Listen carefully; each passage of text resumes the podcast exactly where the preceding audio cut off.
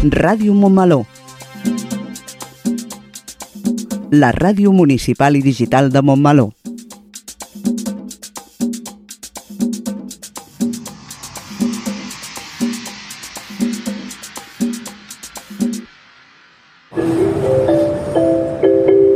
Propera parada, Montmeló.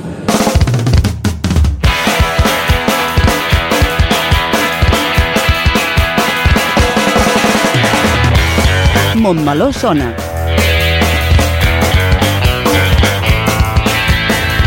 El magazín informatiu de Ràdio Montmeló.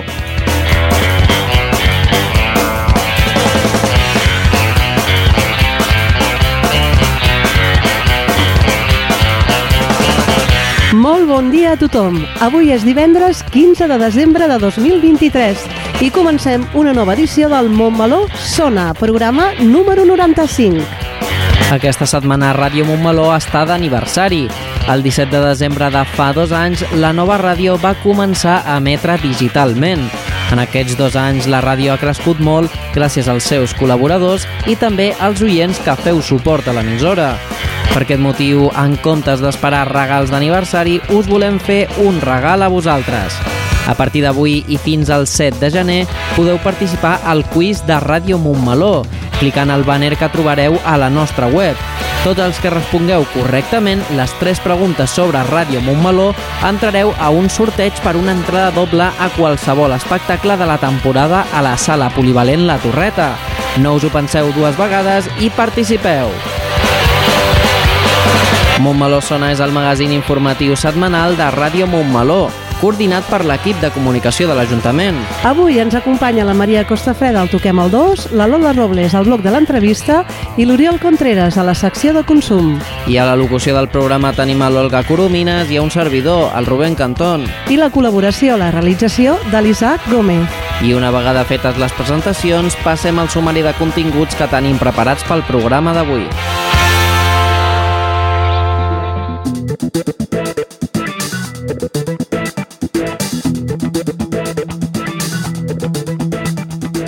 Comencem amb el Toquem el 2 amb la Maria Costafreda, que ens porta a Mataró a veure els pastorets. Parlarem amb el Marc Abril, director del muntatge. Seguirem amb el nostre espai informatiu Crònica de Montmeló, on farem un repàs de l'actualitat del nostre poble. Després farem una ullada a l'agenda d'actes que podem trobar els propers dies a Montmeló. Tot seguit, la Lola Robles entrevista la Montse Jordana, referent de benestar emocional i comunitària de l'equip d'atenció primària Montornès Montmeló, amb la que parlarem de com gestionar el dol durant les festes de Nadal. I acabem amb l'Oriol Contreras de l'Oficina Municipal d'Informació al Consumidor amb una nova secció de consum en la que ens parlarà de l'hipoteca inversa. I com ja sabeu, tot això i alguna cosa més és el que trobarem al Montmeló Sona d'avui, 15 de desembre de 2023.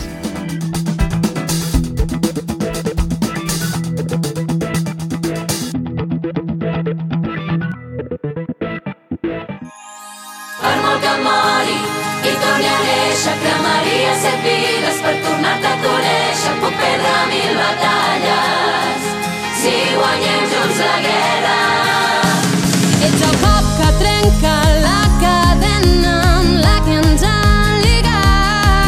Ets el foc que crema aquesta pena damunt de la ciutat. I ara el cor batega tan fort que la fe s'esgota.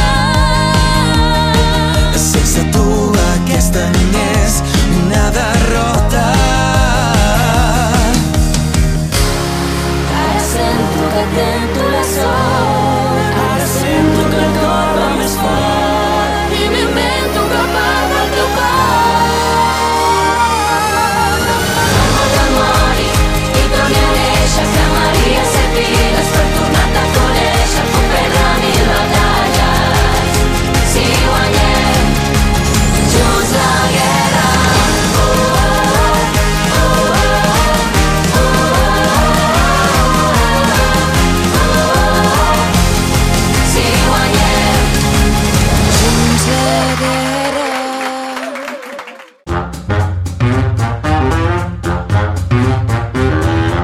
Montmeló sona, el magazín informatiu de Ràdio Montmeló.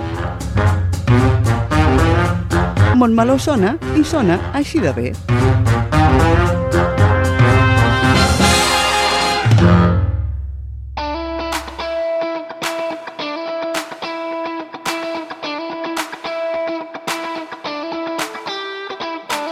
Els del Toquem el 2 ja som aquí amb una nova recomanació per gaudir durant aquestes festes nadalenques. Dins de les moltes tradicions i costums d'aquestes dates, hi ha una que no volem deixar escapar per disfrutar tota la família, i no és una altra que la representació dels pastorets. Un any més, els pastorets de Mataró tornen amb un espectacle musical de gran format amb tots els ingredients, orquestra i cants en directe, balls, canvis espectaculars d'escenografia, personatges bons i dolents, personatges dramàtics i còmics, efectes especials de foc, de llum i de so, projeccions, etc. Els pastorets de Mataró són patrimoni cultural de la ciutat de Mataró des de 1981 i a l'abril del 2016 van ser guardonats amb la Creu de Sant Jordi de la Generalitat de Catalunya. Tenim en Marc Abril, el director del muntatge, qui ens parlarà més amplament dels pastorets de Mataró. Bon dia, Marc, i moltes gràcies per atendre la trucada de Ràdio Montmeló. Bon dia, bon dia, encantat. Quins són els orígens dels pastorets de Mataró? Doncs mira, eh, aquí a Mataró, a la Sala Cabanyes, eh, fem un text de, el text, fem el text d'en Ramon Pàmies, de l'Estel de Nazaret, eh, i aquest text és, crec, de, de principis del segle XX, del 1900 o del 1901, i a la Sala Cabanyes doncs, els representem des del 1916. Uh, o sigui que ja portem 106, 100, sí, 106 anys uh, fent, fent els mateixos pastorets. Quina singularitat tenen els pastorets del Mataró? Doncs hi ha altres llocs que fan, eh, que fan aquesta versió de, de Ramon Pàpiens, de, de l'Estel de Nazaret. El que passa que eh, eh, nosaltres, com dius, doncs, tenim alguns, alguns factors diferencials, com per exemple són el pròleg, que és un, són tres escenes que hi apareixen eh, uns, eh, les nimfes, els follets i les bruixes, eh, amb unes músiques especials que ja es van fer en les èpoques, estem parlant jo crec de, de, de l'any 30 i pico, eh, que sens dubte aquests, aquests, aquests elements, aquestes escenes, aquestes músiques, aquests personatges no, no les tenen al, al resta de llocs que fan aquesta mateixa versió de pastorets. Eh, després altres llocs poden fer aquesta versió de pastorets, però, però nosaltres també tenim un altre factor important i diferencial que és el tema de música en directe. Nosaltres tenim una orquestra de músics que aquest any eh, s'ha modificat la formació, però estem parlant d'una orquestra de, de, de 12 músics en directe. I d'altra banda, jo et diria, eh, així com a, com a dos factors potser, és la quantitat de persones que involucra aquest espectacle, que estem parlant d'unes d'unes 300 persones mm, pel, pel boc gros, no, no dalt de l'escenari, però si, no, si amb tots, eh, tots els elements que, que fan funcionar el- l'espectacle. I, i, i l'altre, diguéssim, és el, el, i, i una altra cosa que anava a dir que ara, no- ara no me'n recordo. Bé, si al llarg de l'entrevista et surt, tu coles sí, sense cap sí, problema. sí, Eh, eh, Marc, en quines dates podem gaudir de les eh, vostres representacions? Doncs mira, els pastorets, això, mira, justament és la, la que anava a dir, que és la quantitat de representacions que fem. Ara, ara, ara m'he fet pensar, perquè d'altres jocs són, fan, fan menys funcions, dos, tres, quatre, nosaltres en fem deu. Comencem el 17 de, el 17 de desembre, aquest diumenge, i s'allarga fins, a, fins a finals de gener. Fem deu funcions. Com aconseguir les entrades, Marc? Doncs eh, és, és molt fàcil, salacabanyes.cat i en allà hi ha, hi ha l'opció de comprar entrades, que es pot triar el dia, es pot, trobar, es pot trobar la localitat, hi ha descomptes per gent gran, descomptes per grups i des d'allà es pot fer la compra online fàcilment. Marc, què els diries als montmelonins i montmelonines per tal que visitin Mataró per la representació dels vostres pastorets? Doncs jo els diria que, que, que els vinguessin a gaudir, perquè és un espectacle... Eh, és un musical, espectacle en majúscules en quant a efectes especials, en quant a música en directe, eh, amb, amb, amb la quantitat de persones que surten a, l'espectacle, amb molt de ritme, i, i, i sens dubte veure aquests, eh, aquests elements diferencials que no podran trobar en altres, amb, amb molts pastorets, diguéssim, no, no dic que no n'hi hagin que, que no ho tinguin, però sens dubte és un espectacle en majúscules i de fet molta gent que, que, que ha vingut a veure'ls per primera vegada s'ha quedat molt sorprès de, de, de, del nivell d'espectacle que, que han pogut gaudir. Doncs moltes gràcies, Marc Abril, per la teva presència a Ràdio Montmeló. A vosaltres, a vosaltres per convidar-me. I molt bones festes. Igualment, gràcies. Gràcies. per tu cada matinada. I ja toquem el 2, donant pas a la resta dels continguts del Montmeló Sona d'avui. No oblideu que aquest diumenge tenim una cita amb la Marató de TV3. Tampoc oblidem que el proper diumenge 17 de desembre és el segon aniversari de Ràdio Montmeló. Cal felicitar a tot el personal i col·laboradors per fer possible que Ràdio Montmeló sigui una ràdio viva. Per molts anys i llarga vida a Ràdio Montmeló. Bon cap de setmana.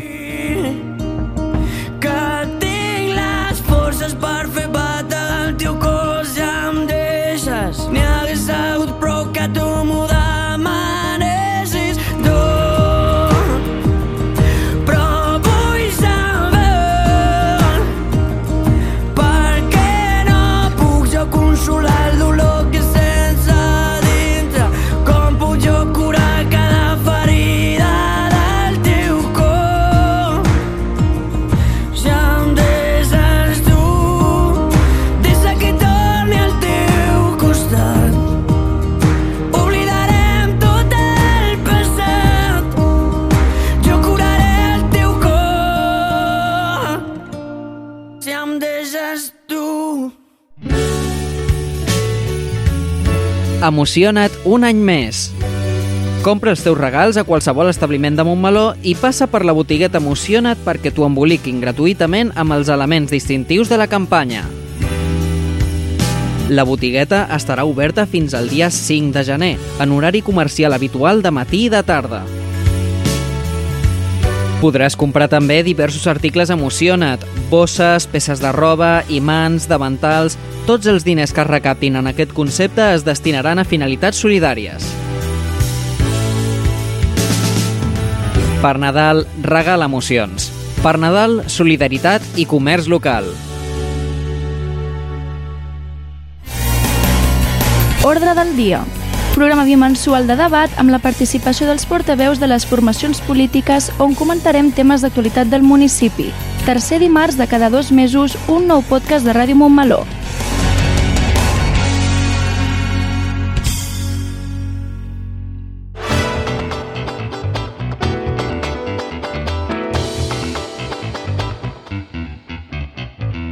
Arribem de nou al nostre bloc informatiu Crònica de Montmeló i donem pas una vegada més a les notícies locals més destacades per avui divendres 15 de desembre de 2023. Aquest és el sumari pel programa d'avui. Obertes les inscripcions a la quarta edició del concurs de guarniment de balcons, façanes, carrers i aparadors per aquest Nadal. La G2M és l'escenari del curtmetratge Les Marianes. Obert el punt de venda presencial de les entrades per la festa de Cap d'Any. El Ministeri de Transports, Mobilitat i Agenda Urbana inicia les obres d'apantallament acústic de l'autopista AP7 al seu pas per Cantabola. Més de 50 mestres es formen en trastorn de dèficit d'atenció amb o sense hiperactivitat. Aprovat el nou Pla de Joventut de Montmeló 2024-2027. A més d'aquestes notícies, us parlarem sobre els actes previstos per aquests propers dies.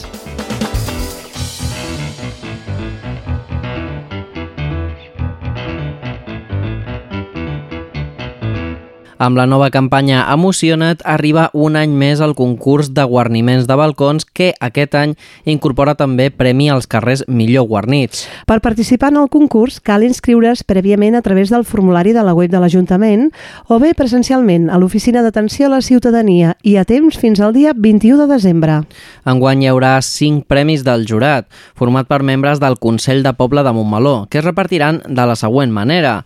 Tres premis als millors balcons o façanes guarnits, un premi al millor carrer guarnit, un premi al millor aparador. També s'incorporen tres premis per votació popular, un premi al balcó façana amb més votació popular, un premi al carrer guarnit amb més votació popular i un premi a l'aparador amb més votació popular. Es valorarà cadascun dels balcons, carrers i aparadors i es passarà per cadascun dels espais inscrits per fer-ne una valoració. De cada balcó, carrer i aparador presentat se'n puntuarà la bellesa, l'originalitat i la dificultat en l'elaboració o preparació. Per poder realitzar les votacions, a partir del 22 de desembre, s'obrirà un formulari on tota la ciutadania podrà votar cada un d'aquests aspectes. Es valorarà de l'1 al 3, sent 1 la puntuació més baixa i 3 la més alta. El vot popular estarà obert fins al dimarts 2 de gener a les 12 hores. Una altra novetat d'aquest any és que entre totes les persones participants en el vot popular es sortejarà un val de 100 euros euros per bescanviar en el comerç de l'aparador guanyador. Animeu-vos a participar i animeu-vos a recórrer els carrers de Montmeló per decidir quin és el millor guarniment de Nadal. La directora montmelonina Laura Álvarez, graduada en guió i direcció a l'Escola de Cinematografia Banda Part de Barcelona, ha escrit i dirigit el curtmetratge de misteri Les Marianes. Les Marianes, produït per la productora independent barcelonesa El Dedo en el Ojo, rodarà una seqüència aquest diumenge 17 de desembre al Centre de Formació d'Adults de Montmeló, concretament l'escena del pati de l'escola.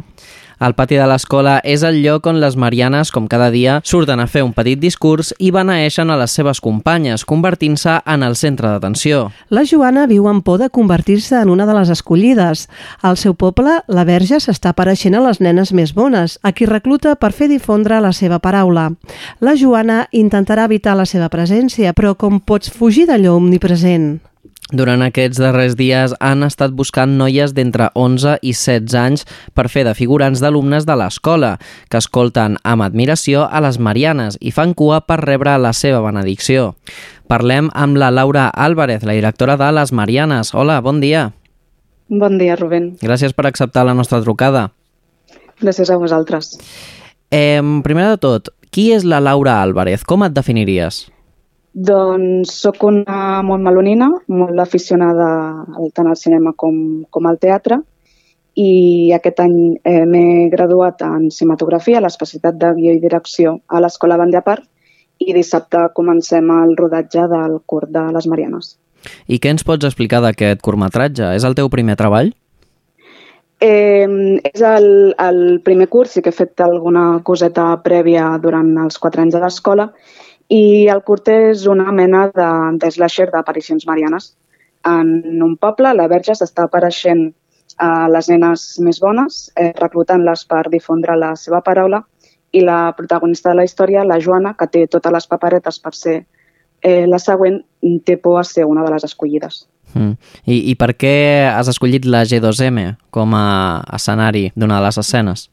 Doncs buscàvem un, una escola per una de, de les escenes del curt i sortint d'una casa de, de Montmeló, on rodarem també els interiors, eh, l'equip de producció va veure el pati de l'escola i els hi va agradar. També estàvem amb el director de fotografia, vam entrar, que van ser molt amables amb, amb nosaltres, ens van ensenyar, ens van explicar tot, i, i ens quadrava perfectament, ens permetien rodar en cap de setmana perquè sí que busquem com necessitem uh, altres nens que facin de d'alumnes d'aquesta escola, Mm. mm. volíem que fos en cap de setmana per, per facilitar-los que no haguessin de, de perdre classe i la veritat que, que això ens van donar moltes facilitats, ens agradava molt i, i finalment vam, vam decidir quedar-nos amb aquest espai. Mm. eh, Has dit que el curt té uh, un toc de slasher. Què té tocs de, de terror?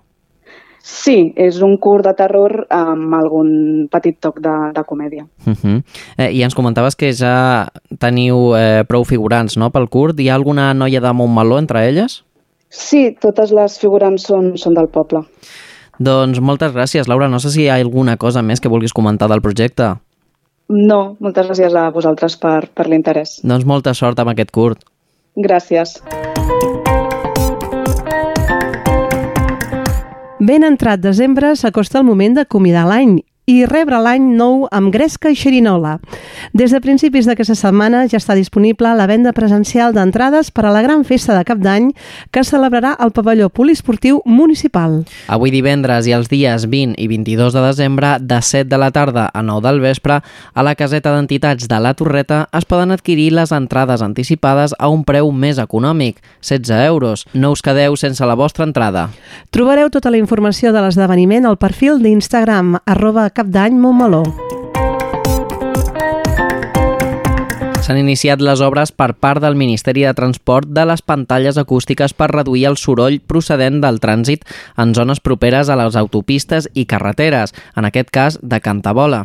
Aquestes pantalles serveixen com a barreres físiques entre les vies de trànsit i les zones on es desitgi reduir la contaminació acústica. Els beneficis de les pantalles acústiques inclouen la reducció dels nivells de soroll, millorant així la qualitat de vida de les persones que viuen a prop de les autopistes o carreteres principals. Aquestes pantalles són part de les mesures de gestió del soroll en entorns urbans i periurbans i són dissenyades tenint en compte factors com l'altura, la distància entre la carretera i les zones residencials, a més de la seva eficàcia per reduir el soroll sense afectar la visibilitat ni la seguretat dels conductors. Es tracta de 448 metres d'apantallament acústic de dues alçades, un primer tram de 260 metres de longitud i 3 metres d'alçada situat a l'extrem oest, que comprèn la zona en desmunt a l'entorn del carrer d'accés al cementiri. Al lateral de l'estructura de pas sobre la carretera BB-5003 i l'inici del terraplè i un segon tram de 188 metres de longitud i 4 metres d'alçada, continuació del tram anterior en direcció est fins a les proximitats de l'estructura sobre el riu Congost.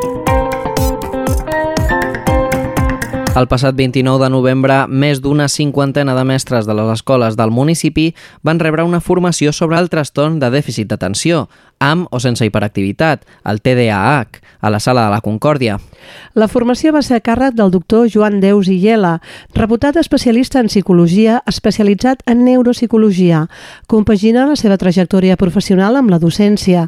És autor de nombroses publicacions i ha estat guardonat en diverses ocasions per treballs realitzats sobre aquesta especialitat. El TDAH es caracteritza per la hiperactivitat, problemes d'atenció i impulsivitat.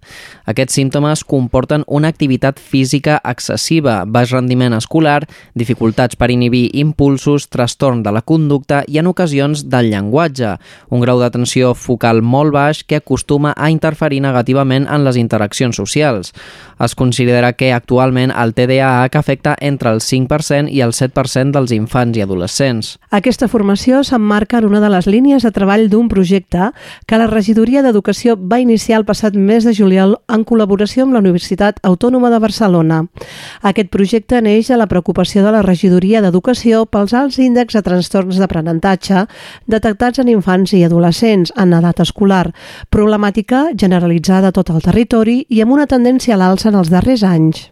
Arrel de les diferents reunions realitzades entre la regidoria i el Servei de Psicologia i Logopèdia de la UAB, i després d'analitzar la situació i les dades del municipi, es van acordar diferents línies de treball per tal d'iniciar l'abordatge d'aquesta problemàtica. Realitzant un diagnòstic de l'estat de salut del municipi a través de la redacció d'un pla de salut municipal, aplicant programes de promoció de la salut en adolescents, portant a terme programes que impliquin i ajudin a les famílies, organitzant formació especialitzada per a mestres, famílies o altres col·lectius que es considerin necessaris, buscant vies de col·laboració per donar suport en atenció clínica individual. Desenvolupant el programa Reptes perquè els estudiants s'impliquin i plantegin solucions a problemes complexos amb els estudiants del màster en Psicologia General Sanitària, màster d'intervenció psicosocial o de Psicologia de l'Educació. La línia de treball sobre formació especialitzada per a mestres, en la que s'encabeix la formació sobre TDAH, es continuarà desenvolupant al llarg de tot el curs amb altres sessions, com per exemple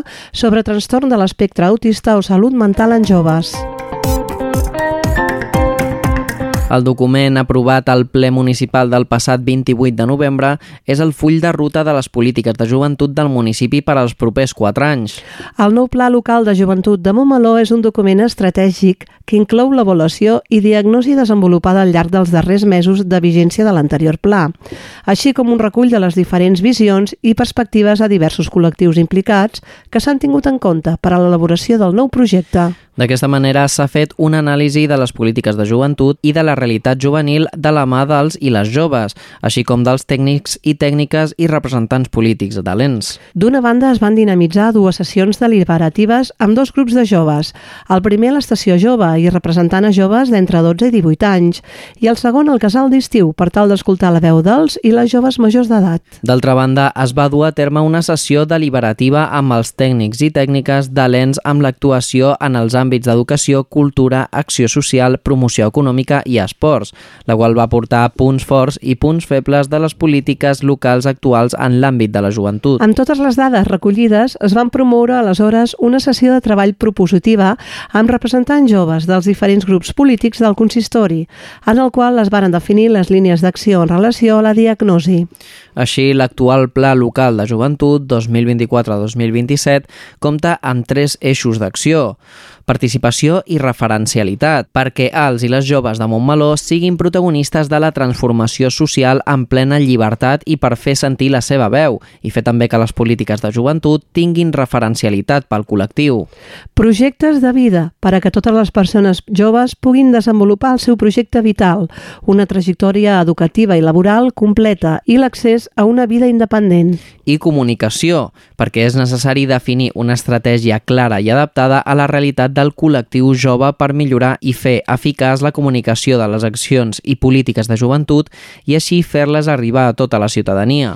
Aquests eixos es desenvolupen en un total de 8 àmbits que alhora estableixen 15 objectius i els quals especifiquen en relació a més de 30 accions, les quals marcaran la línia de les polítiques de joventut en els propers anys i que tenen per repte respondre a les necessitats dels i les joves de forma integral.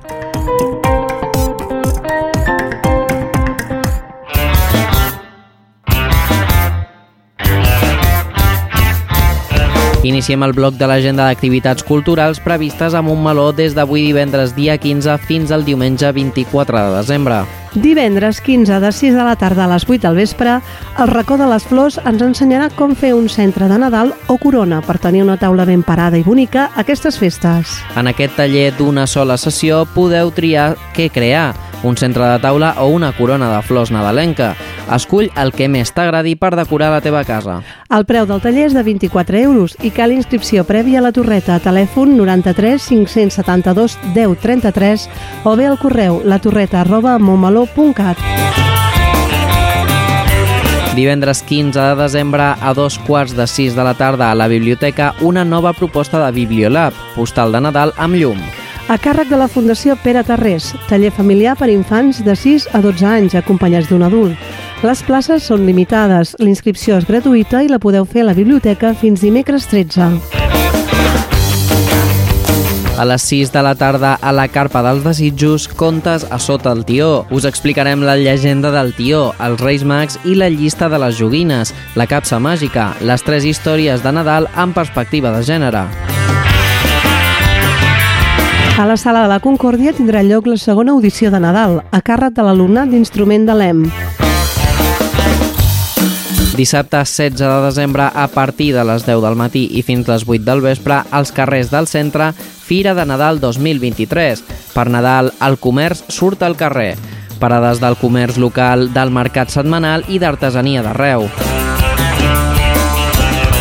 De dos quarts d'onze del matí i fins a dos quarts d'una de migdia, el racó de les flors ens ensenyarà de nou com fer un centre de Nadal o corona per tenir una taula ben parada i bonica a aquestes festes. En aquest taller d'una sola sessió podreu triar què crear, un centre de taula o una corona de flors nadalenca. Escull el que més t'agradi per decorar casa teva. El preu del taller és de 24 euros i cal inscripció prèvia a la torreta telèfon 93 572 10 33 o bé al correu latorreta arroba montmeló.cat.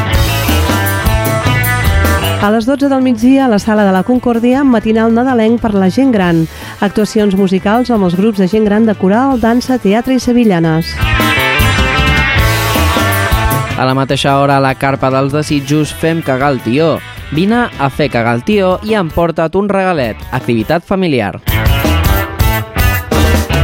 Per la tarda, dins de la Fira de Nadal, l'Estació Jove ens proposa un projecte culinari solidari. Amb la venda de receptes cuinades a la cantina de l'Estació Jove, es recaptaran diners per l'entitat Globus pels Valents. A les 5 de la tarda i fins les 8 del vespre, a la Carpa dels Desitjos, animació infantil. Durant la tarda, els fullets dels desitjos t'ajudaran a escriure el teu desig per penjar-lo a la Carpa dels Desitjos, de 5 de la tarda a 8 del vespre. A les 6 de la tarda arriba la tradicional papaneolada motera. Els moteros Montmeló ens proposen un recorregut pels principals carrers del municipi amb els motoristes vestits de Pare Noel.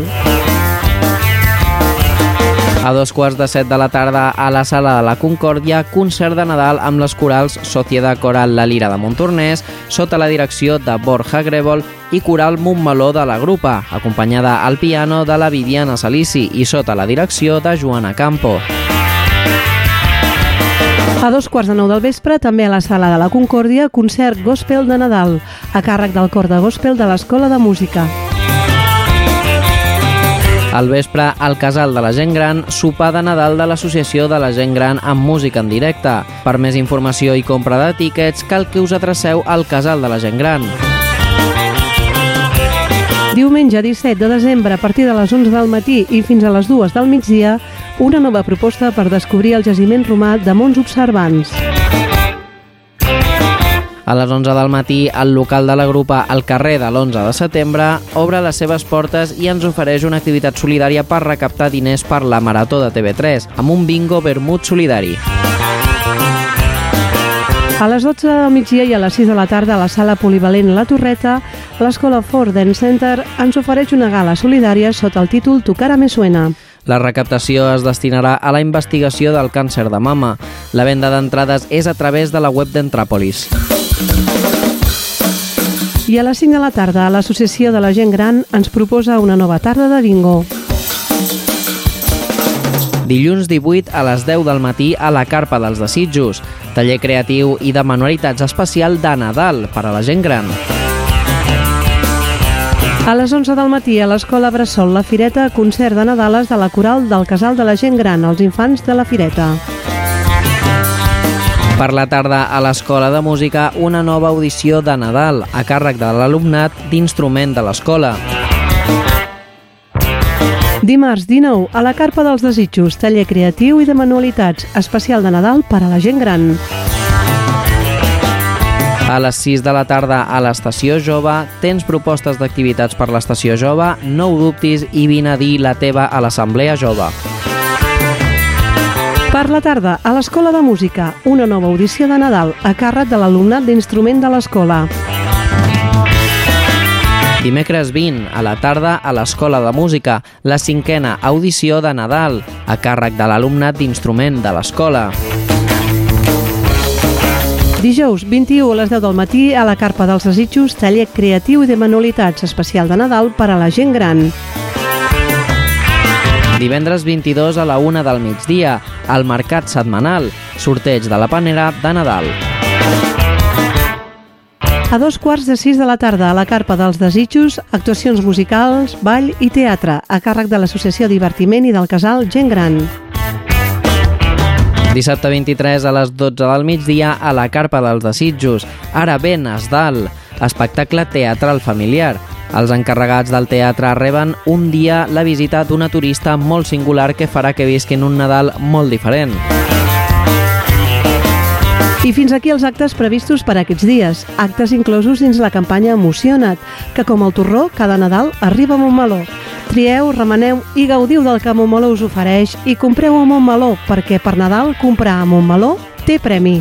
De moment ho deixem aquí i us continuarem informant en el proper Montmeló Sona.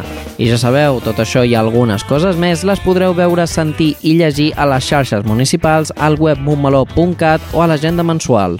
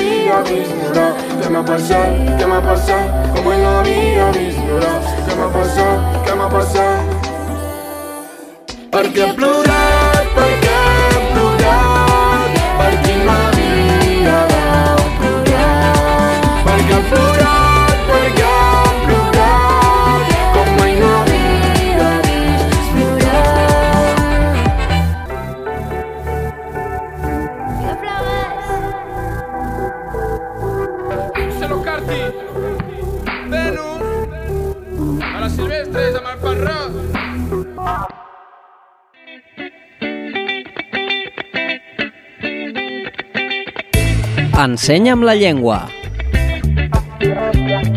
Un programa de l'oficina de català amb Susana Corxo. El tercer divendres de cada mes a les 5 de la tarda.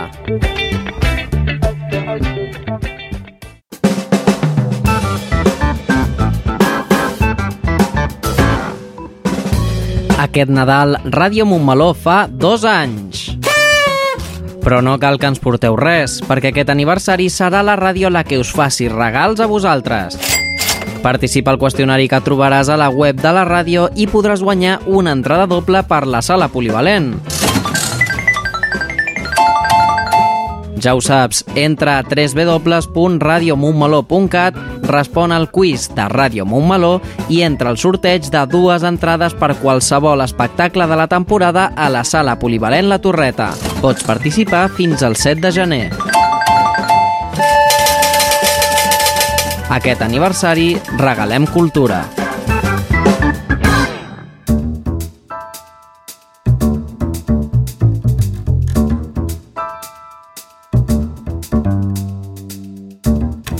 Per a la majoria de les persones, Nadal és sinònim de retrobaments familiars, alegria i molta diversió. Però per aquelles que han patit l'amor d'un ésser estimat, es tracta d'un retrobament molt temut, que s'afronta amb molt de dolor.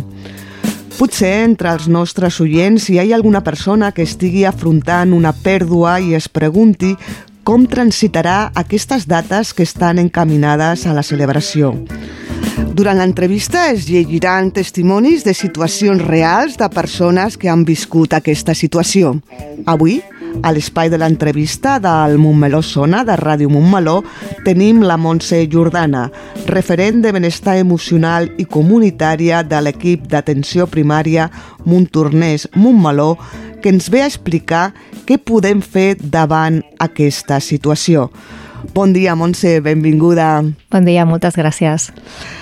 Primer de tot, a quins mites trobem, quines barreres s'han de trencar en relació a no poder expressar l'amor en aquestes dates de Nadal? Doncs sobretot és a, el tema de la tristesa, no? El pensar de que si jo ploro uh, i m'afligeixo o expresso el meu dolor, això ho compartiré amb els altres i els altres també es posaran pitjor. No? Aleshores, d'alguna manera, és intentar evitar fer patir els altres. El que passa és que hem de pensar que el tema de, del plot té dues funcions. Una funció que és una funció fisiològica, no? que ajuda a treure estrès, a poder expressar el dolor, no? treure el cap en fora, aquest dolor que tenim, però també és una funció d'alguna manera social, perquè d'alguna manera està cridant l'atenció dels altres i està dient necessito ajuda, necessito que em recolzis o necessito que estiguis aquí amb mi. Per tant, no hem de reprimir les emocions. Eh, L'error és minimitzar el dol. Sí, l'error justament és minimitzar, fer veure que no ha passat res, no? perquè realment sí que ha passat. El dol està present en qualsevol data, però què té el Nadal que fa augmentar aquest buit?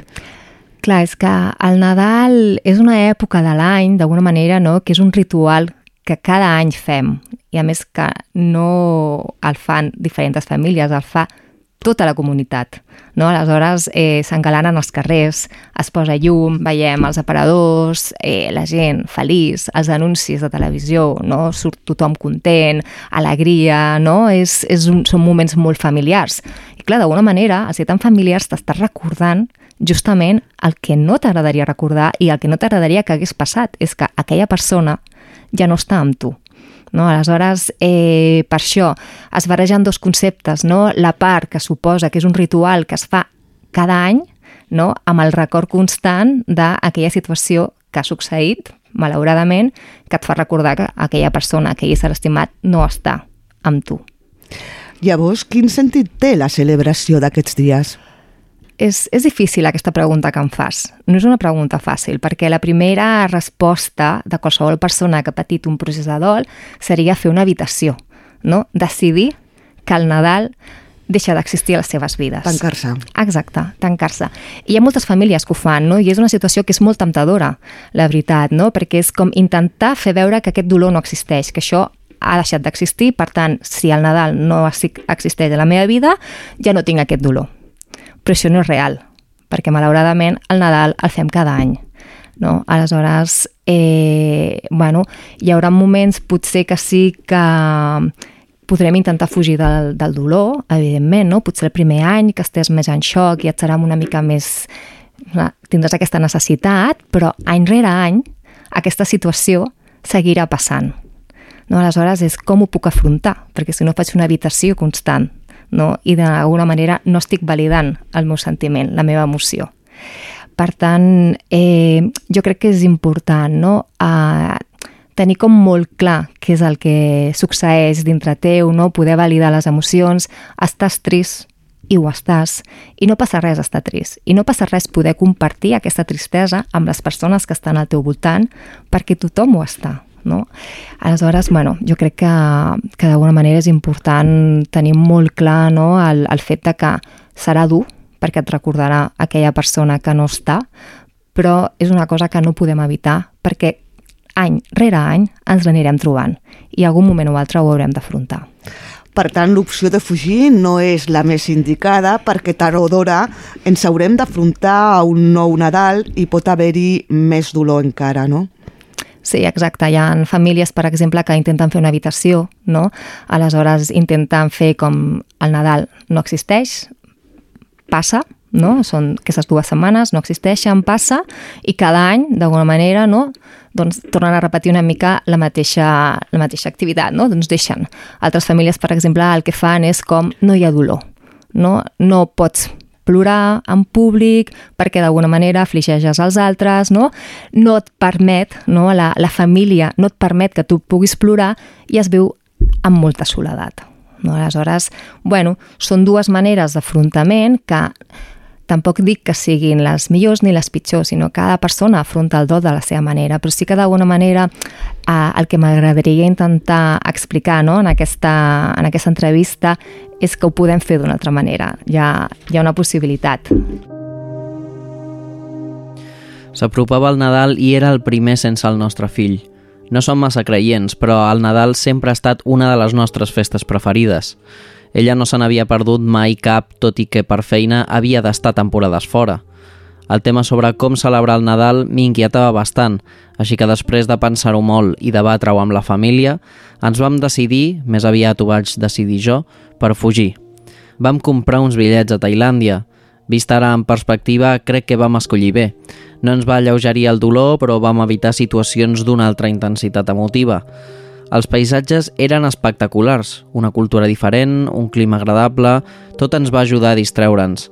Viatjar, al cap i a la fi, t'obliga a estar atent de coses intrascendents, buscar on dormir el dia següent, revisar la ruta, esperar el tren que no arriba, passejar per la platja... Tot ajuda a desconnectar de la realitat del dolor que sents dins teu. Suprimir el Nadal, és aquesta la idea. Entenc que no es pot generalitzar, però a nosaltres ens va servir. Encara no hem parlat què farem aquest any. Per mi, tornaria a marxar demà mateix amb els ulls tancats, però no puc fugir de la realitat indefinidament. Llavors, com podem organitzar el primer Nadal sense ell o ella quan falta el pare o la mare, l'avi, l'àvia, el germà o la germana, quan aquests membres de la família eren els que posaven alegria, els membres claus que unien la família? Clar, s'ha de tenir en compte que, evidentment, el Nadal com ha estat fins ara no tornarà a ser. Llavors, no, no podem pensar que els Nadals sempre seran els mateixos, però sí que podem construir un nou Nadal, una altra manera diferent de viure-ho, tenint sempre el, el record d'aquella persona que ja no hi és amb nosaltres. No? Aleshores, eh, hi ha diferents suggeriments que, que si vols et puc explicar de manera ben resumida perquè crec que, que són importants, no? I una d'aquestes és poder planificar en detall el, el que es farà cada dia. No? És una manera com de tenir molt clar eh, cada dia què és el que es farà, mm, quines activitats són les que es duran a terme, amb qui s'estarà, perquè d'alguna manera la sensació és que el dia el controles tu i a, a, no al revés, no? que el dia et controlen a tu. Vulguis o no, el fet de tenir sensació de control també ens dona sensació de seguretat. No? Llavors, en aquestes situacions en les que estem patint d'aquesta manera, no? tenir aquesta sensació de seguretat eh, ens pot ajudar d'alguna manera a poder transitar-ho d'una manera més, més saludable. Vaig decidir que havia de començar a gestionar què faríem per Nadal. Vam parlar amb els meus tres fills i vam decidir muntar el pessebre com sempre havíem fet. Aquesta vegada, però, vam afegir un nou element, una foto d'ell amb els poemes que els nens havien escrit a l'escola i tres espelmes. Em vaig adonar que em resultaria menys difícil si em deixaven dur per ells, ja que semblava que tenien més força per tirar endavant amb tot i tenien moltes iniciatives. Abans de començar el dinar de Nadal, ens vam posar tots al voltant del pessebre i les espelmes enceses. Ens vam donar un espai perquè cadascú expressés els seus pensaments i sentiments en paraules, amb música o amb silenci. Els nens van fer el vers de Nadal i ens van ensenyar els dibuixos. Una vegada desfet el nus que tots teníem, ens va ser molt més fàcil donar-nos els regals i celebrar el dia en família. Fer una reunió familiar abans que arribin aquestes dates també pot funcionar. Exacte, sí, una reunió familiar seria una, mono, una molt bona opció, però una reunió familiar on hi participin tots, no només els adults, sinó també els joves, adolescents i fins i tot els nens, en què cadascú pugui tenir el seu torn de paraula, que ningú interrompri, que tothom tingui el permís per poder dir el que es vol i en el moment que es necessiti, no? i tenir l'espai i que ningú, ningú, ningú es quedi sense dir alguna cosa. Per tant, és molt rellevant també que els nens i nenes prenguin part d'aquest dol, no? I s'ha d'expressar el dolor sense por, perquè ells puguin reaccionar de la mateixa manera. Sí, és, és bàsic. La veritat és que incloure els nens en el procés de dol amb ells els ajuda d'alguna manera, perquè hem de pensar que els nens... Eh, és important que els nens tinguin la seguretat de que tindran reis, tindran el Pare Noel, no? perquè per ells és important, també és una data que recordaran quan siguin adults. No? Aleshores, qualsevol de nosaltres no, té el record de les festes de Nadal com algú bonic, no? la il·lusió de rebre el regal, i és important pels nens tenir aquesta seguretat de que també el Pare Noel o els Reis d'Orient o el tio no, els, els hi donarà sorpreses, no? que també hi haurà alguna cosa bonica en tot això. Aleshores, a banda d'això, no, de poder assegurar de que passaran els Reis i el Pare Noel o el Tió, també crec que és molt important eh, entendre que quan un nen s'enfronta amb una situació a la vida, val, el primer que farà és mirar els ulls de l'adult que l'acompanya. Si veu por en aquesta persona adulta, respondrà amb por i això és una que hem de tenir molt present. Però si el nen té la sort d'estar rodejat d'adults que senten dolor i l'expressen sense por, llavors reaccionarà de la mateixa manera i estarem educant a nens forts per a la vida. Eh... Això és molt important. Exacte, sí, perquè de fet el que tranquil·litza un nen no és la, la por a la mort, sinó és la por a no parlar-ne d'ella no? És, és el que tranquil·litza, no? perquè ho veuen com una cosa obscura. Si tu d'alguna manera li expliques a, al nen o a la nena què és la mort, ho poden arribar a entendre a la seva manera, evidentment. Però clar, si no els hi parles, pensen que és algo dolent, pensen que és algo obscur, no? I llavors en aquí és com d'alguna manera que és important no amagar això en els nens. I és important acompanyar-los a viure de la manera més sana possible. Aquell primer Nadal després de l'accident de cotxe va ser horrible. La meva mare es va tancar a la seva habitació i gairebé es va passar el Nadal allà sense sortir. Ens vam quedar sense mare uns dies. La vaig trobar molt a faltar en el moment en què més la necessitava. Estava sola sense ningú al costat.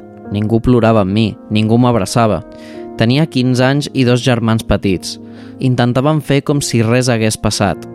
La mare i jo sobrevivíem com podíem, però com a adolescent vaig trobar a faltar la presència simbòlica que m'acompanyés, escoltés i sostingués en aquelles festes. Crec que tots, independentment de l'edat, necessitem plorar, ser acollits i poder-nos acomiadar d'alguna manera. M'hagués agradat poder anar a l'enterrament que va ser uns dies abans de Nadal, però els meus avis i mare van creure que era el millor per nosaltres. Ara, en perspectiva, he après que els pares han de saber parlar amb els seus fills dels éssers estimats que moren, tenir-los en compte, tinguin l'edat que tinguin, recordar els moments tristos i els alegres i, sobretot, poder plorar junts.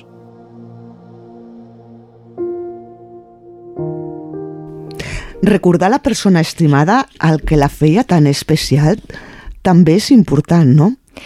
Sí, uh, jo a vegades crec que és, és important, no? com el que us comentava abans, de poder fer un, un nou Nadal, no?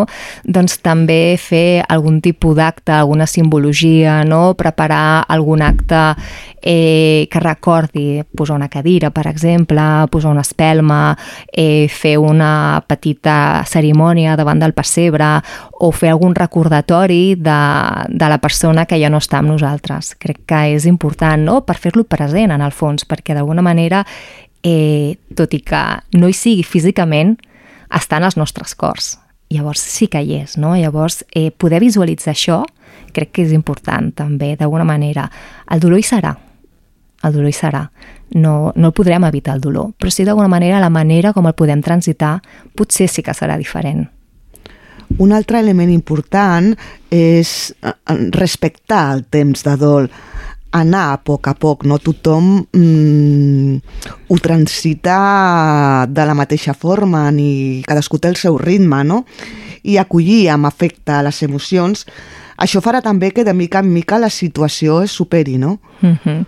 Sí, de fet, evidentment, eh, el dol és un tema molt, molt personal, això està clar, cadascú el transita de la manera com pot i com sap, i sí que és veritat que requereix temps, no? una mica, evidentment, les circumstàncies que passen quan ha fet un any de la mort no són les mateixes quan ha fet 3 o 4 anys, no? Aquí hi ha una evolució. Però sobretot el que és important és eh, mostrar aquesta emoció, perquè si aquesta emoció no la demostrem i ens la quedem dintre, després surt, i surt de vegades a maneres uh, que no són generoses no? per nosaltres. Aleshores, bueno, jo crec que és molt, molt important poder validar les emocions. Estàs trist i estàs trist, i és normal que ho estiguis. No passa res. No passa res. Estem tan acostumats a que sempre ho veiem tot de manera feliç, tot ha de ser alegria, no? Però hi ha moments en què no és així. I aleshores poder validar aquesta emoció no? de tristesa és molt vàlida i també, de fet, és saludable per nosaltres. I un altre element important també és eh, que s'ha d'estar preparat pel que pugui passar a les reunions socials. Sí, exacte. És el que comentava una miqueta abans, no? de poder fer una mica de planificació, eh, fer dos plans, no? el plan A, que resulti doncs, una mica que sigui més social, un plan B, que ens resulti més tranquil, i donar-nos el permís sobretot donar-nos el permís a nosaltres mateixos per decidir quin ens ve de gust i poder parlar, en el cas que, del plan A, el, el social, poder parlar amb l'anfitrió per comentar-li de, mira, si en l'últim moment anulo, doncs em sabrà molt de greu, però espero que ho entenguis, no? També poder avisar-lo de dir, mira, jo estic en aquesta situació ara mateix i intentaré venir, la meva intenció és venir, però tampoc no et puc assegurar si en aquell moment estaré bé o estaré malament. Per tant, eh, t'avisaré, però com a mínim que ho sàpigues, no? I després també tenir un plan B que sigui una mica més tranquil, guardar temps i espai per tu, per poder plorar, si et ve de gust estar al llit, no forçar-te, no? Sobretot el que et comentava abans, validar les emocions. I sobretot eh, no viure el dol en soledat, ja que això pot dificultar el procés, no? Sí, eh, és, és una de les coses que jo, per exemple, sí que veig, no? que quan vivim amb soledat, el, el dol, el dolor és encara molt més intens. Si compartim la pena, d'alguna manera ens sentim com compresos, entenem que aquella persona també està passant pel mateix que nosaltres i d'alguna manera aquesta càrrega, no? aquesta sensació de aquest pes no? el, el deixes anar d'una altra manera. Aleshores jo crec que és molt important, no? sobretot per això ho explicava, no? de validar les emocions dintre de la família, no amagar el que hi ha. Evidentment eh, es fa molt difícil, no? però s'ha d'acceptar que hi ha hagut una pèrdua dintre de la família, que aquella persona ja, ja no hi és i d'alguna manera poder parlar-ne, no? Perquè de fet és saludable poder parlar de, de la persona morta, perquè d'alguna manera és com que li demostres l'amor, no? també que el record que tens amorós de, de la persona que ja no hi és. Com estava comentant, no? els primers Nadals eh, a vegades no són els pitjors, perquè estem una mica en estat de xoc i aleshores estem com amb una sensació d'irrealitat. No? A vegades els segons, els tercers anys de, del Nadal es fan bastants més difícils perquè d'alguna manera es presenta el Nadal sense pal·liatius. És la realitat tal i com és, no? Llavors, bueno, simplement és tenir-ho present, no? Perquè a vegades pensem que el primer de Nadal és el que és el dur i a vegades no és així, no? Aleshores, bueno, per això dic que és important no? reconstruir una mica el Nadal perquè és una data que també és bonica no? I, i val la pena poder gaudir-la i, i tenir-ne nous perquè bueno, ara potser som joves, ara potser no, però uh, tenim fills o tenim nets no? i que també puguin gaudir, que puguin també tenir aquest record. No? Aleshores, bueno, d'alguna manera és també poder uh, demostrar l'amor cap a l'altra persona que se'ns ha anat, no? doncs celebrant el, el Nadal i tenir-lo sempre present. I per acabar, Montse, quin suport s'ofereix des del CAP, des del Centre d'Atenció Primària, per fer front als malestars emocionals del dia a dia? Doncs mira, nosaltres eh, des de l'ambulatori, des del centre d'atenció primària, eh, fem diferents tipologies d'atenció d'intervencions. No? Fem tipologies d'intervencions en relació a l'ansietat, en relació també a la fibromiàlgia, per exemple, a la gestió de les emocions, als hàbits saludables, eh, també en casos de diabetis, que juntament hàbits saludables en diabetis ho fa la meva companya, i també fem atenció al dol.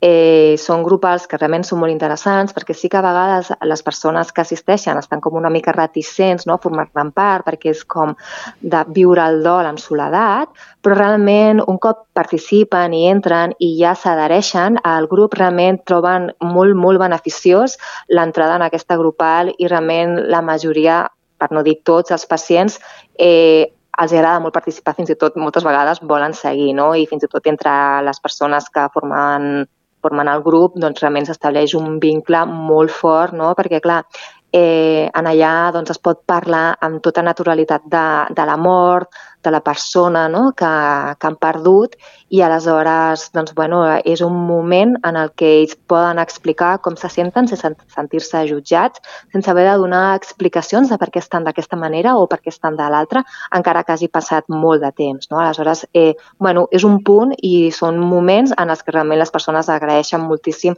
el fet de poder participar en aquestes grupals. Llavors, Montse, què ha de fer una persona que vulgui formar part d'algun d'aquests grups que dius? Um, comentar, per exemple, en el cas que una persona estigui interessada a poder participar en, en una grupal, doncs aleshores hauria de demanar-lo al metge de capçalera, en el seu metge, i llavors aquesta, el metge de capçalera em fa una, una derivació faig una primera entrevista i a partir d'aquí, entre la persona i jo, decidim quina de les intervencions doncs, seria la més adient i la que li acabaria d'encaixar més amb el que la persona necessita. Doncs moltes gràcies, Montse, per haver estat amb nosaltres i esperem que aquesta conversa que hem mantingut ajudi a aquelles persones que puguin estar passant una situació de dol a encarar-lo el millor possible. Moltes gràcies a vosaltres per convidar-me. Gràcies. Si tu vols cels estels, jo vol qual cel ja. Cap somni és impossible i inabastable. Si som com nens que riuen, sense por de la tendresa, sense por de ser feliç. Si no tens por, si és que sort està a la vora, jugant amb els fullets que et protegeixen quan camines i fas que cada pas sigui el millor que tu has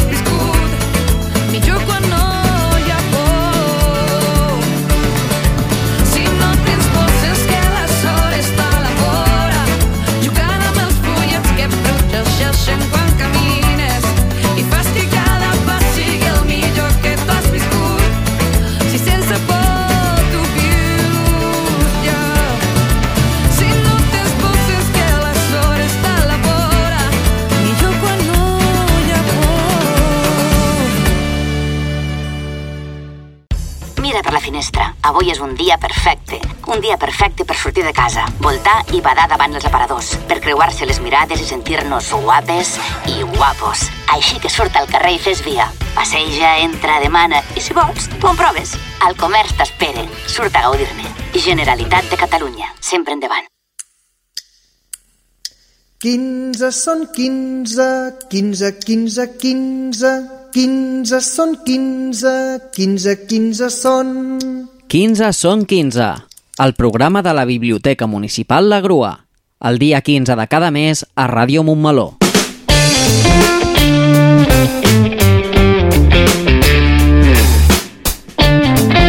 I tenim amb nosaltres avui al Montmeló sona un cop més a l'Oriol Contreras de l'Oficina Municipal d'Informació al Consumidor. Bon dia. Molt bon dia a tothom. Eh, avui ens vens a parlar de la hipoteca inversa, veritat? En què consisteix la hipoteca inversa? Mira, la hipoteca inversa és un producte financer, és un producte bancari, això és el primer que hem de tenir, hem de tenir clar, i depèn molt de que una persona tingui una propietat, en aquest cas un habitatge, una vivenda, la seva vivenda. Mm. Eh, per què parlem d'aquest tema? A veure, no és que sigui nou, la, la llei que ho regula ben bé em sembla que és del 2007, eh, però jo he detectat i saps que treballo a diferents ajuntaments, mm, més consultes sobre aquest tema recentment. No sé si és perquè hi ha hagut més promoció de les entitats bancàries, Mm. també és possible que sigui degut una mica a la necessitat econòmica de molta gent gran, no? perquè les pensions sabem el que pugen, sabem el que, el que et donen per una pensió, que són baixetes, i sabem que els costos de la vida en general han pujat moltíssim. Quan nosaltres veiem la notícia de que pugen els costos de la vida de l'alimentació, del transport, etc etc, els més perjudicats són els pensionistes, que són els que tenen doncs, aquests ingressos menors, possibilitats d'ingressar més no en tenen, i a sobre doncs, no està actualitzada, diguéssim, la, la, la pensió al nivell de, de la vida. Llavors, aquesta hipoteca inversa ara té més força? Possiblement sí. A què consisteix? Consisteix en que aquells que, aquelles persones que són propietàries i tenen més de 65 anys, Mm. no val tu i jo, o sigui, tampoc per no tenir propietats, però per l'edat no, han de ser més de grans de 65 anys, i tinguin una propietat, doncs el que fan és dir-li al banc, miri, eh, a partir d'ara vostè em dona uns diners cada mes, una, com una altra segona pensió, a part de la pensió que tinc jo, una segona pensió, vostè em dona uns diners al mes, i quan jo mori, o la meva parella, vostès, banc, es queden la meva habitatge, o els meus hereus, si és que tinc hereus, pagaran el que vostè, banc, m'ha donat a mi, més els interessos corresponents, perquè el banc, doncs, al final, és un producte financer. Mm. Per tant, eh, la persona gran, eh, a part de tenir, posem el cas, una pensió molt baixeta de 700 euros, a part de tenir una pensió molt baixeta de 700 euros, tindria dret a una altra pensió, posem 700, 800, 900, el que es pacti amb el banc, per tant, passa una millor vida, per tenir més ingressos cada mes, i no s'ha de preocupar de tornar res. Qui s'ha de preocupar de tornar res? Doncs eh, quan jo mori, els meus hereus. Si tinc hereus i volen eh, aquell pis i valoren i calculen doncs, amb el banc que el que han de tornar més els interessos encara els hi surt favorable perquè, per exemple, posem uns números, no? A mi, eh, jo com a persona gran de 65 anys demano la hipoteca inversa i fins que no em moro el banc m'ha estat donant un total de 150.000 i s'han de tornar 150.000 més els interessos. Posem total 180, 190.000. Però l'habitatge, la, la, l'habitatge, la vivenda està valorada en 300.000. Bueno, doncs els hereus, si ja en tinc fills hereus, decidiran si eh, paguen aquests diners al banc i es queden al pis i guanyen, evidentment, la diferència. Mm. Pot passar que els hereus diguin, mira, escolta, mm, quasi, quasi, el que t'han donat és just el que és la vivenda, doncs que el banc se la quedi. Pot passar que no tingui hereus, llavors el banc directament es queda l'habitatge i ja fa els seus càlculs com perquè no perdin, no? La banca nunca, Sí. nunca pierde o la banca sempre gana. Mm. I penso que és un bon producte, doncs, per què et dic, no? Per aquesta gent de persones majors de 65 anys o també aquelles persones que tenen un grau de disminució de més enllà del 33%. Són els dos casos que la llei permet fer la hipoteca inversa. Mm. I, I quines coses s'haurien de tenir en compte sobre la hipoteca inversa? No, bàsicament això, tenir la propietat del pis i evidentment tenir-la eh, sense hipoteca prèvia. Mm. O sigui, lo normal no, en la vida d'un pis és tenir primer una hipoteca, no inversa, una hipoteca en la qual et donen diners per comprar i tu tens que tornar-los. Quan ja el pis està pagat i està net, que es diu, doncs eh, ja pots accedir a aquesta hipoteca inversa, a part de, a part de l'edat. I un darrer consell, doncs, hipoteques inverses, com molts productes financers, per mi, per desgràcia, avui en dia no només ho ofereixen les entitats clàssiques o de tota la vida, que també poden ser per internet, eh? però amb una mica més de, mm, de reconeixement i hipoteca inversa, com en molts sectors, doncs hi ha molt d'intrusisme, no? hi ha Mm. mm. molt de producte ofert per gent que no, que no és de fiar. Val? Llavors, com sempre, doncs, mm, tenir clar si un està sol, doncs assessorar-se, pot venir a l'oficina del consumidor, per exemple, de Montmeló, o, o un abogat o un gestor, però assessorar-se bé. Clar, el més fàcil és anar a les entitats que coneixem totes, tota, tota la vida del carrer, no? Però si hi ha alguna altra entitat, i jo ho he vist que ho fan, perquè ho he vist per internet i perquè tinc un usuari, per exemple, que m'ho va demanar i ho vam estar mirant per internet i dos o tres o quatre empreses que no eren les clàssiques BBVA, Santander, no? CaixaBank. I, i clar, sense conèixer, doncs, crea una miqueta com... Clar. Al final, al final, la hipoteca inversa és un, un producte financer, però qui l'ofereix, que no té per què ser una entitat bancària, és un inversor. Mm. Perquè jo t'estic deixant, eh, faig un càlcul d'esperança de vida i t'estic deixant 100.000 euros, però jo sé que aquell habitatge serà per mi i val 300.000 euros. Sí. I si ve un hereu i vol tornar els 100.000 euros més interessos, doncs m'hauré guanyat els interessos. Per tant, pa, pot haver-hi molt, molt especulador, inversor, no?, que intervingui, oi?, en aquesta, en aquesta negociació, no?, en aquest, a, a l'hora d'oferir aquest producte. Jo me n'aniria sempre a les entitats més conegudes. Mm. I, co I com a usuari suposo que també hi ha com, podria haver com certa por de, bueno, què és això, a veure si me la poden colar d'alguna manera. Eh, no és un producte, al, al no és un producte habitual, Mm. tan habitual, doncs és possible que hi hagi, segur, molt de desconeixement mm. i moltíssimes clàusules. Uh, una vegada vaig tenir, però ja en el despatx, no? un cas de, de- d'un producte d'aquest tipus que a més a més havia ofert a una persona que diguéssim eh, no li feia falta. mm. Eh, això també pot passar. Mm, a la gent gran també se li pot oferir coses. De fet, se'ls ofereix coses que no li fan falta. Des d'un rellotge que ho fa una entitat bancària, que és igual, no, no dic el nom, però vull dir, ja, ja ho sabran, una, un, un rellotge d'aquests de, com de salut, no? de, com de teleassistència, que no és de teleassistència i que funciona no com a la teleassistència, sinó la meitat o menys, però et fan pagar una quota cada mes i t'ho ofereixen i no, no serveix per res. Val? Mm. Llavors, a la gent gran se li ofereix, per desgràcia, són objectiu doncs, d'aquestes ofertes més, més, moltes vegades innecessàries. Llavors, doncs, això és el que crea por. Aquestes malifetes, no? aquest mal, mal fer de les entitats, crea una petita angoixa i por a les persones. Llavors, el que no ho sap, el millor com funciona és assessorar-se i anar Mm. acompanyat d'un assessor. I, i amb això jo crec que el producte en si és bo però la idea jo penso que és, Sí. que és molt bona. Aquell que té una pensió de 700 euros al mes i que no, allò que et diu és que no, no em dona per, per mes. I li preguntes, clar, si és llogater no. Però si li preguntes, però vostè és propietari? Sí, i té el pis pagat de fa molts anys. Doncs no sé, jo tampoc ho veig tan malament. El producte en si és bo Mm. eh? s'ha de mirar molt les condicions i qui te l'ofereix Doncs si, si voleu demanar una hipoteca inversa, si sou majors de 65 anys o teniu una discapacitat major del 33%, veritat? Sí. Eh, doncs abans que tot, bueno, assessoreu-vos si, si podeu, podeu anar a l'oficina, veritat? a la nostra oficina A l'OMIC. Sí, o si no, ja et dic, com qualsevol altre professional, eh? vull dir, des d'un abogat a, a un gestor.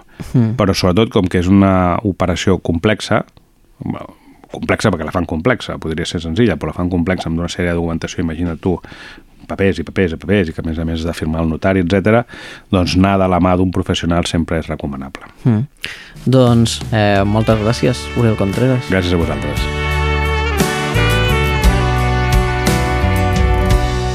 Una dona si no té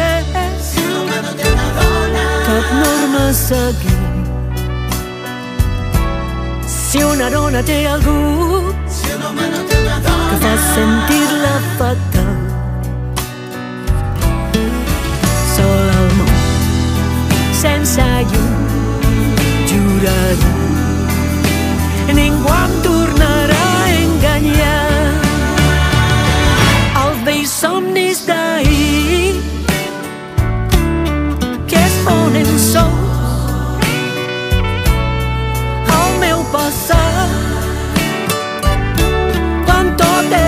ter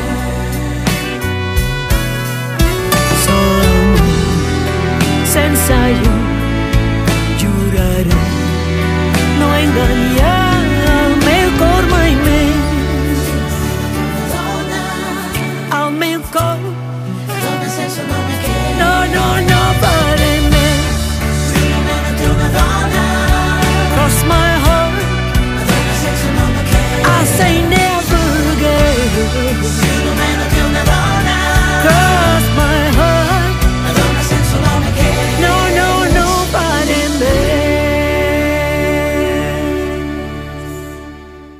Durant aquestes dates tan senyalades, tot l'equip de Ràdio Montmeló us volem felicitar les festes.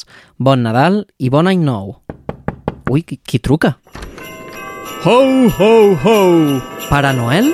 Però com vols desitjar bon Nadal d'aquesta forma tan seca? Deixa'm a mi! Ah.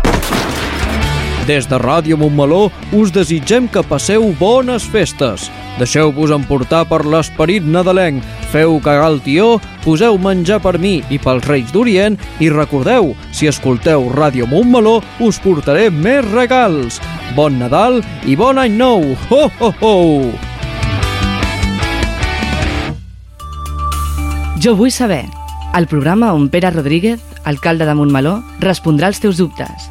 Participa en directe a Instagram un dia abans del llançament o envia les teves preguntes fins dos dies abans a radiomó.montmeló.cat o amb una nota de veu al 637 150 702.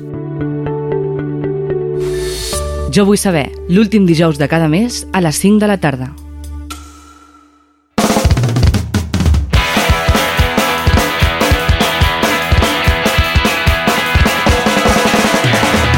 I ja arribem al final del programa d'avui, però abans d'acabar recordem la programació que podeu trobar a la ràdio durant el que queda de setmana i durant la setmana que ve.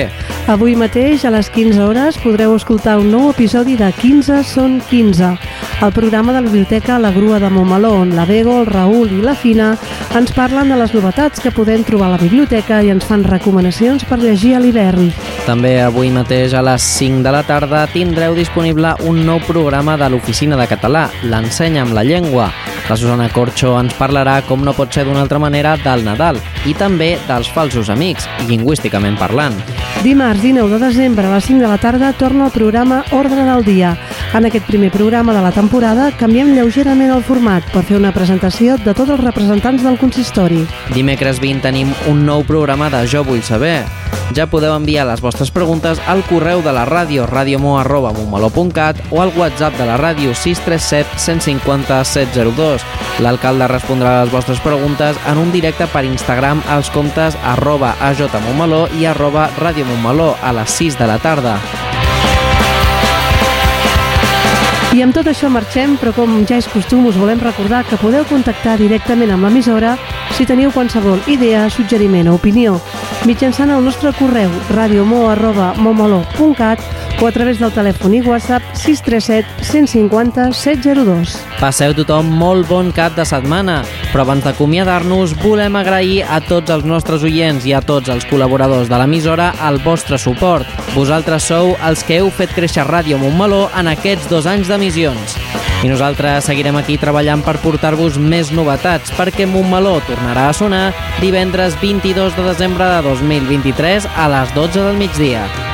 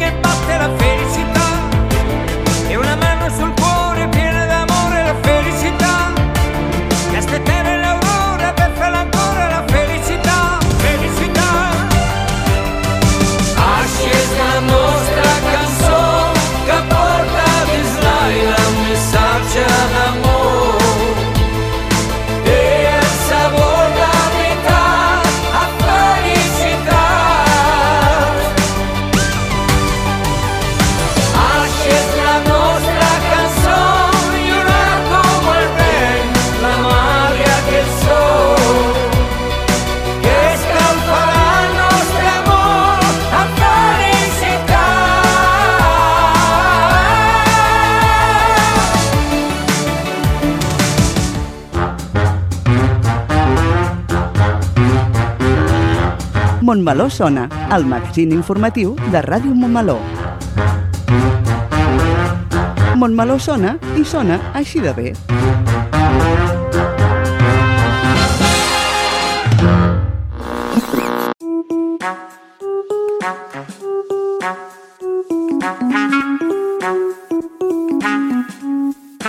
Ràdio Montmeló.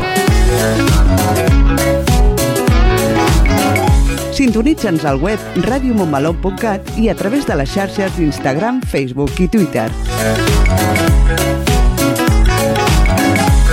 Ràdio Montmeló, la ràdio municipal i digital de Montmeló.